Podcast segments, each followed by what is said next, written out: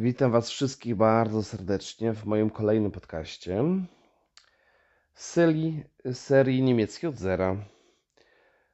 Jeżeli jesteście tutaj przypadkowo, trafiliście na ten, e, na ten mój podcast niemiecki od zera, to krótko wyjaśniam, że to jest podcast, w którym to jest cykl, w którym um, uczę języka niemieckiego od samych podstaw.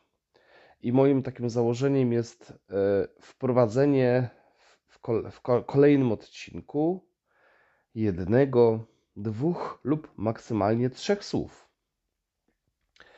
I ten podcast będzie trwał, nie wiem jeszcze jak długo będzie trwał. Mam jakiś tam zarys, oczywiście, kilkanaście lekcji, może kilkadziesiąt do przodu, natomiast mm, przychodzi taki moment znajomości języka, w której taki podcast już nie będzie potrzebny. Nie będzie potrzebować niemieckiego od zera bo będziecie na takim etapie, w którym y, będziecie się już troszeczkę inaczej uczyć. I to też wspomnę krótkie słowo o tym, że, y, że uczymy się, ucząc się języka niemieckiego, y, nie wiem, niech ten proces trwa załóżmy 3, 4, 5 lat, nie uczymy się cały czas tak samo. Nie? I to trzeba sobie uświadomić, że musimy zmieniać metody i sposób uczenia w zależności od naszego poziomu. Inaczej się uczymy, gdy zaczynamy przygodę z językiem, a inaczej się go uczymy po dwóch latach i troszeczkę inaczej się go uczymy po pięciu latach nauki. Nie? Te metody się muszą zmieniać. One trochę ewo, ewo, ewoluują y, w zależności od tego, co już umiemy. Nie? Że niektóre metody dobre na początku już nie są dobre, gdy uczymy się po 3, 3 lata języka. Już trzeba zmienić. Ale to taka myśl, żebyście byli świadomi. Y, w każdym razie dzisiaj kolejny, trzeci odcinek niemiecki od zera. Y, wprowadzam słowo jetzt. Jetzt, czyli teraz. Po prostu. Takie jest jego znaczenie. I yy, będę najpierw omówił budowę troszeczkę, żebyście zapamiętali pisownię, bo ja tutaj z doświadczenia widzę i, i słyszę, że macie z tym problem, żeby to zapamiętać. No i potem zdania. Zdania użyjemy te, które wprowadziłem w, w odcinku pierwszym i drugim, ponieważ to jest moje kolejne założenie, że każdy odcinek wprowadza nowe słówko, jeden, dwa lub trzy słowa. Natomiast to są takie słowa, które jesteście w stanie użyć ze słownictwem wprowadzone w poprzednich, w poprzednich odcinkach. Nie? Czyli ja Wam daję takie klocki, co odcinek jakiś klocek, jakieś dwa klocki, a Wy z tego budujecie słowa. I bierzecie klocki, rozumiecie, z pierwszego odcinka, z czwartego, z szóstego i to powinno działać. I takie jest moje założenie w nauce języka, żeby na początku zwłaszcza, żebyście mieli poczucie, że o, potrafię coraz więcej powiedzieć, coraz więcej słówek, coraz i te słówka gdzieś tam kumulują się w, w jednych zdaniach, w, w, jednych, w sensie, że w jednym zdaniu mogę użyć słówek z kilku lekcji, nie? I to nie powinno dziwić. Czy w ogóle kiedykolwiek tam, nie wiem, czy się zastanawialiście nad tym, ale tak musi być. Dobrze. No to przejdźmy do treści. E, słowo jest e, teraz zbudowane jest w ten sposób, że jest JE, JE, czyli dwie literki, które są czytelne i tak samo wymawiane jak w polskim. Natomiast potem mamy ct w wymowie. Ct. Nie? I jak to się pisze? To się pisze tak. T jak Tomasz, Z jak Zenon, T jak Tomasz. Koniec. Trzy spółgłoski obok siebie. T, Z, T. I te trzy spółgłoski wymawiamy ct. Ponieważ pierwsze T łączy się z drugim T. Wróć, przepraszam. Pierwsze T łączy się z Z oczywiście. Z. I TZ czytamy jak C. Właśnie. Nie? Jak C i ostatnia literka T, spółgłoska dochodzi do, do tego i powstaje. Nie? To jest bardzo, bardzo ważne, ponieważ gdzieś tam w, w praktyce doświadczenia nauczycielskiego no muszę stwierdzić, że mylicie i teraz się głęboko zastanawiam, czy wam powiedzieć ten błąd, który popełniacie. Może nie wszyscy z was, to jest jasne, ale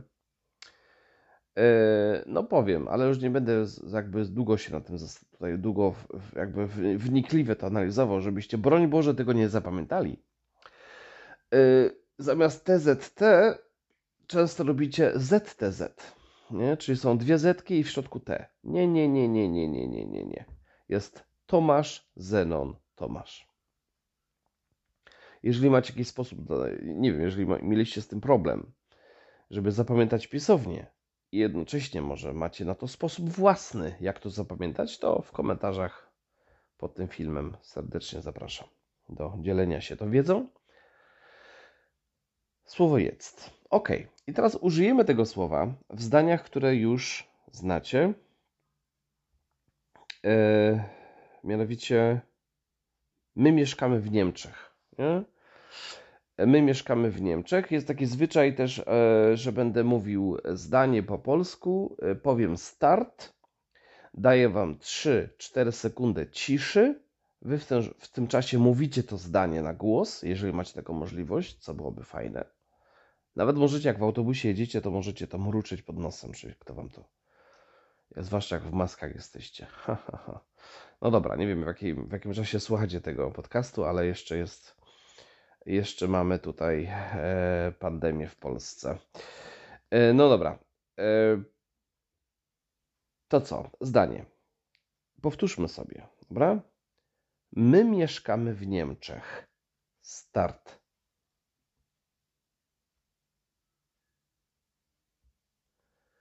Wir wohnen in Deutschland. Powtórzę. Wir wohnen in Deutschland. Jeżeli tak odpowiedzieliście, super.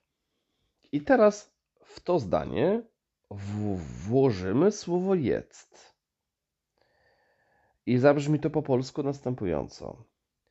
My mieszkamy teraz w Niemczech.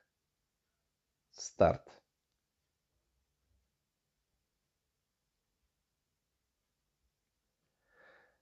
Wir wohnen jetzt in Deutschland.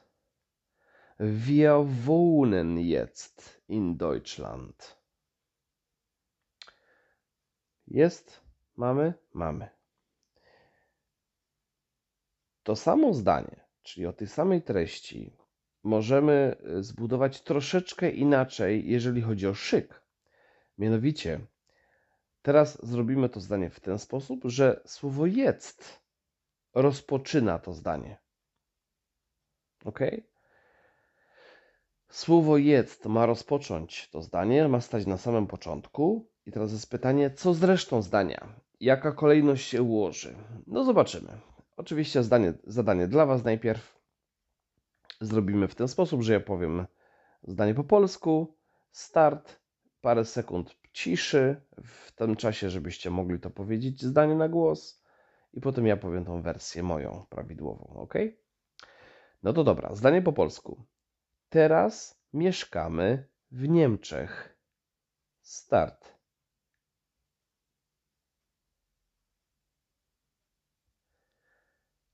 Jetzt wohnen wir in Deutschland. Powtórzę. Jetzt wohnen wir in Deutschland.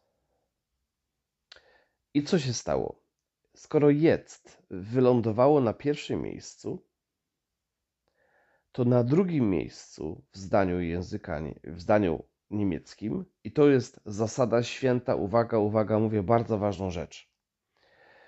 Czasownik w zdaniu niemieckim jest zawsze na miejscu dadadam, dadadam, dadadam, drugim. Czyli jeżeli jest stoi na pierwszym, to wohnen stoi na drugim. A via, zaimek my, no nie ma dla niego innego miejsca niż trzecie. Kolejne wolne, czyli trzecie miejsce. Czyli podsumując, jest pierwsze, wohnen drugie, via trzecie, no i reszta zdania, czyli w tym przypadku in Deutschland. Jetzt wohnen wir in Deutschland. Teraz mieszkamy w Niemczech. Ok? I zdanie kolejne. To będzie już pytanie. Może pytanie trochę dziwne. Tu Wam się zdradzę takie, mam taką, taką zasadę, że mm, staram się z uczniami, czy też na moich vlogach na kanale Martin de Simons, na który zresztą zapraszam, jeżeli go nie znacie. E, mam taką zasadę, że buduję zdania, które są sensowne, które są użyteczne. Sensowne to zawsze muszą być zdania, przepraszam, ale zdania użyteczne, zdania praktyczne. E, I o czym mówię? Właśnie to jest przykład tego zdania, w którym mam wątpliwości, nie? Ale pokażę Wam je dla celów takich ćwiczebnych, no bo chodzi o to tutaj, mm, żeby pokazać Wam kolejność, szyk i tak dalej. Chodzi o pytanie, które chcę teraz zbudować z Wami. Czy my mieszkamy teraz w Niemczech? I przy, pojawia mi się, rozumiecie, takie czerwona lampka mi się zapala. Czy to aby jest dobre zdanie, w sensie, kto to zdanie użyje? Nie? W jakich sytuacjach to zdanie może paść? No i tak nie mam tych wariantów. Może macie jakiś pomysł, to też dzielcie się ze mną w, w komentarzach pod tym. Czy my mieszkamy teraz w Niemczech? Yy, jedyny sens, który tutaj przychodzi mi, jakiś kontekst, to byłoby yy, taka sytuacja, w której ktoś zadaje to pytanie, ponieważ ktoś inny, jakby to powiedzieć, neguje czy powiedzmy krytykuje prawa, które obowiązują w Niemczech, nie? Czyli ktoś podaje wątpliwość, że może czegoś nie zrobić, a ktoś inny mówi w tym zasadzie, czy my nie mieszkamy teraz w Niemczech, czy, czyli czy my nie mieszkamy w Niemczech w sensie, czy nie obowiązują tutaj prawa niemieckie, nie? Czyli na przykład nie możesz tego robić, albo wolno ci to zrobić. Dlaczego masz wątpliwości? Nie? Albo z drugiej strony to, co powiedziałem pierwszy przykład, nie możesz tego zrobić, nie? W sensie ktoś chce coś, nie wiem, nie wiem co zrobić, żeby e, coś, co oficjalnie łamie prawa niemiec... oficjalnie łamie zasady prawa niemieckiego, nie? Czy my nie mieszkamy teraz w Niemczech? Czy nie powinieneś się zastanowić, co chcesz zrobić? Nie wolno ci tego robić, nie? Bo coś tam. E, nie wiem, może to jest sensowny przykład, e, ale, ale właśnie takie pytanie mogłoby w takiej sytuacji paść. No dobra, jak to zdanie zabrzmi po polsku? Czy my mieszkamy teraz w Niemczech? I spróbujcie to zdanie po niemiecku. Dobra? Jeszcze raz powtórzę. Czy my mieszkamy teraz w Niemczech? Start.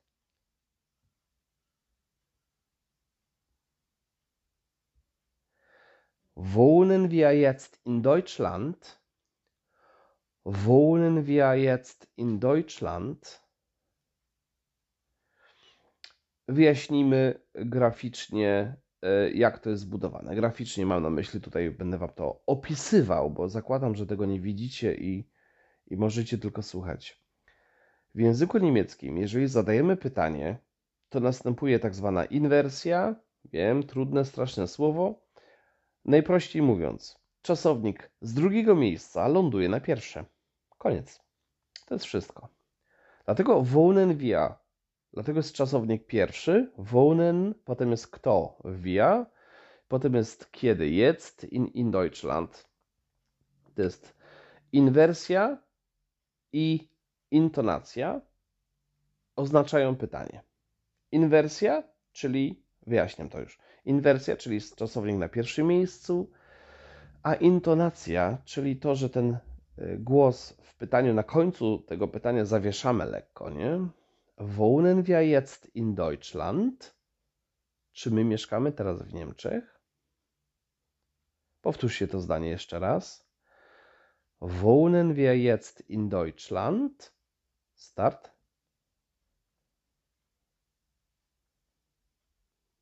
Dobra. I ostatnie zdanie na dzisiaj niejako się już powtórzyło, tylko z tym elementem z przodu nie było. Mianowicie chcę powiedzieć tak, po polsku zabrzmi to następująco.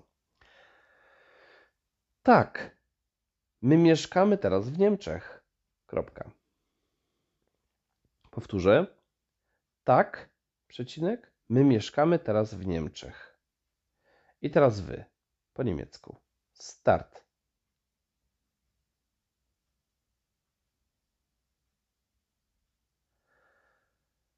Ja, wir wohnen jetzt in Deutschland. Jeszcze raz. Ja, wir wohnen jetzt in Deutschland. Okej. To by było na tyle. W opisie tego odcinka zobaczycie e, parę szczegółów, informacji na temat mojego kanału, e, na temat możliwości, jeżeli macie ochotę, wspierania mojej działalności, o sposobach, o metodach, o różnych obcach nauki ze mną języka, ale to dla chętnych. Przede wszystkim zapraszam do słuchania, do dzielenia się też tym, że coś takiego robię ze swoimi znajomymi, może ktoś, ktoś szuka i, i uczy się języka niemieckiego, może będzie mu to potrzebne i w jaki sposób uzupełni to jego wiedzę. Dziękuję Wam bardzo i do usłyszenia w kolejnym podcaście. Pozdrawiam Was bardzo, bardzo serdecznie. Trzymajcie się, cześć. Witajcie bardzo, bardzo serdecznie. Dzisiaj kolejny odcinek serii Niemiecki na rozbiegu, czyli niemiecki dla osób, które już język niemiecki w jakiś sposób już znają. I nie jest to dla nich zupełna nowość, mm, także jakieś słownictwo poszerzające, e, rozwijające. I to bym chciał dzisiaj właśnie z tej serii odcinek nagrać. Mm, jak w tytule widzicie, chcę coś powiedzieć o zwrocie Das gibt's doch nicht. Das gibt's doch nicht. E, najpierw powiem o znaczeniu tego zwrotu, o budowie i w kontekstach, w jakich sytuacjach można go używać.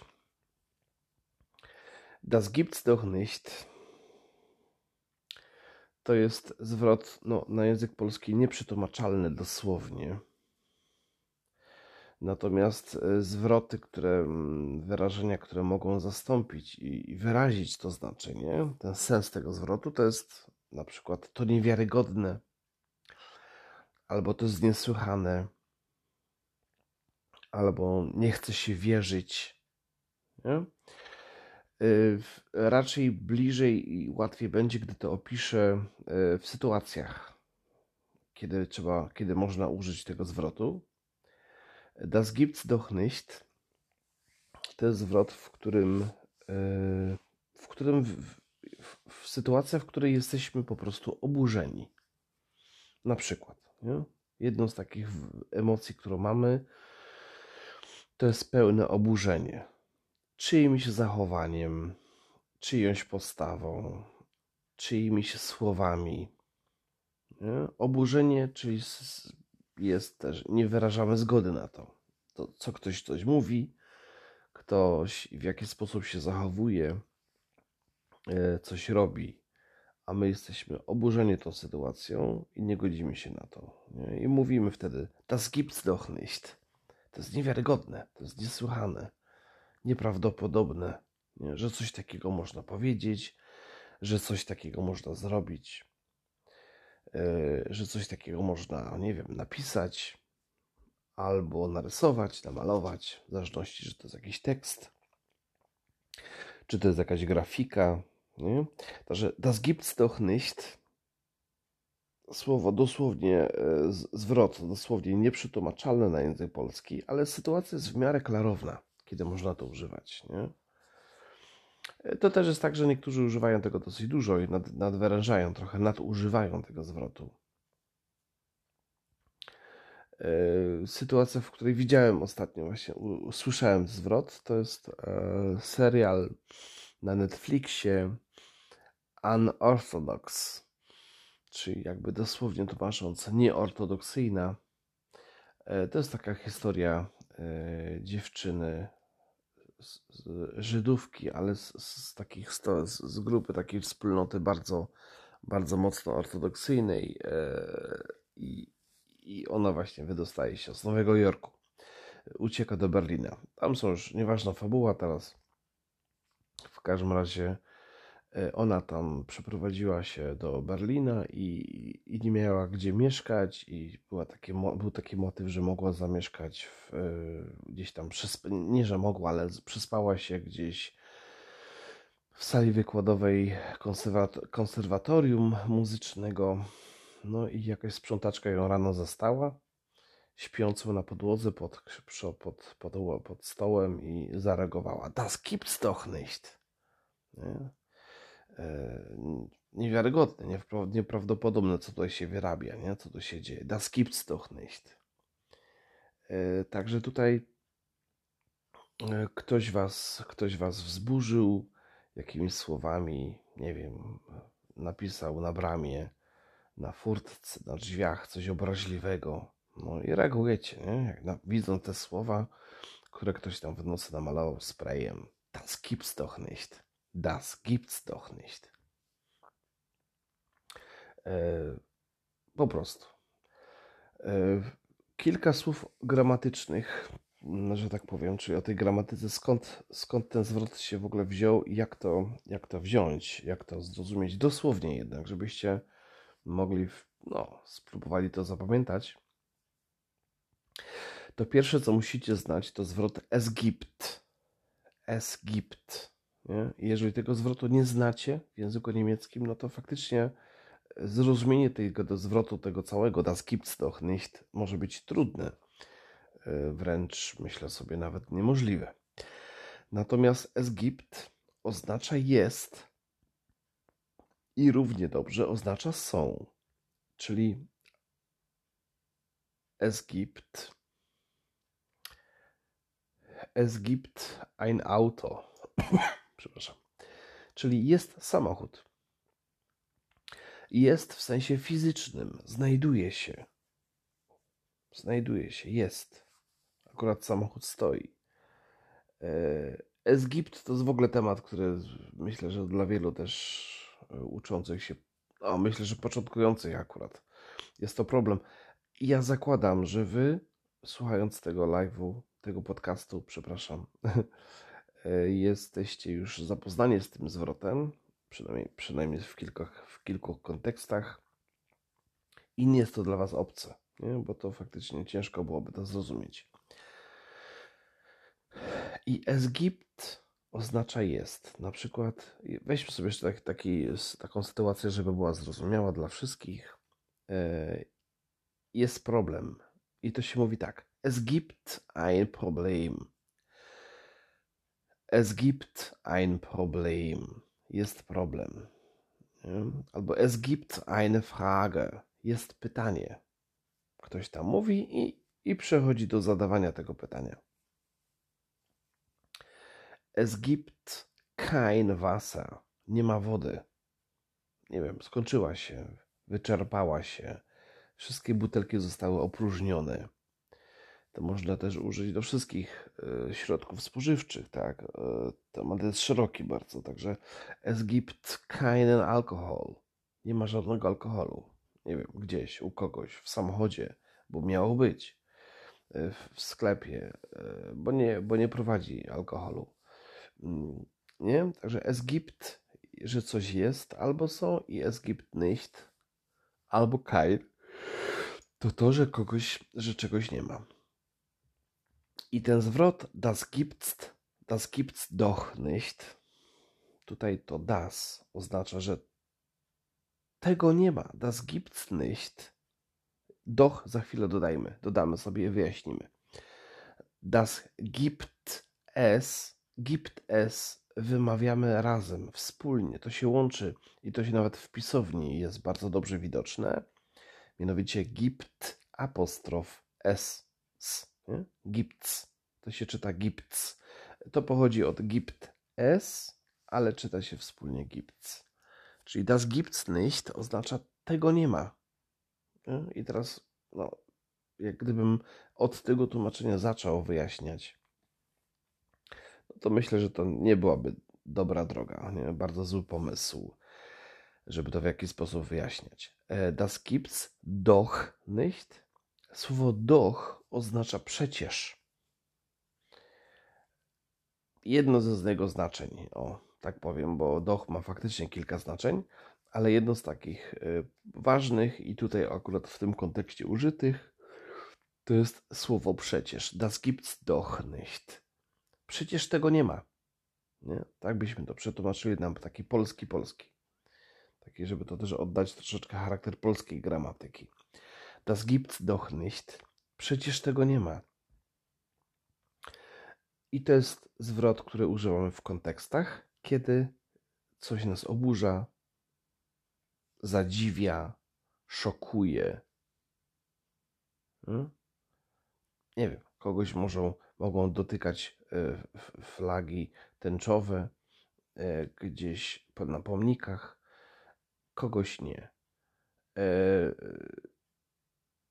I patrzy na tą tęczę, mówi, das gibt's doch nicht. Z oburzeniem. Także tak jest, tak to wygląda z tym użyciem tego zwrotu właśnie. No, krótko będę kończył. Także dziękuję Wam za uwagę i do kolejnego podcastu. Dziękuję Wam bardzo, pozdrawiam serdecznie.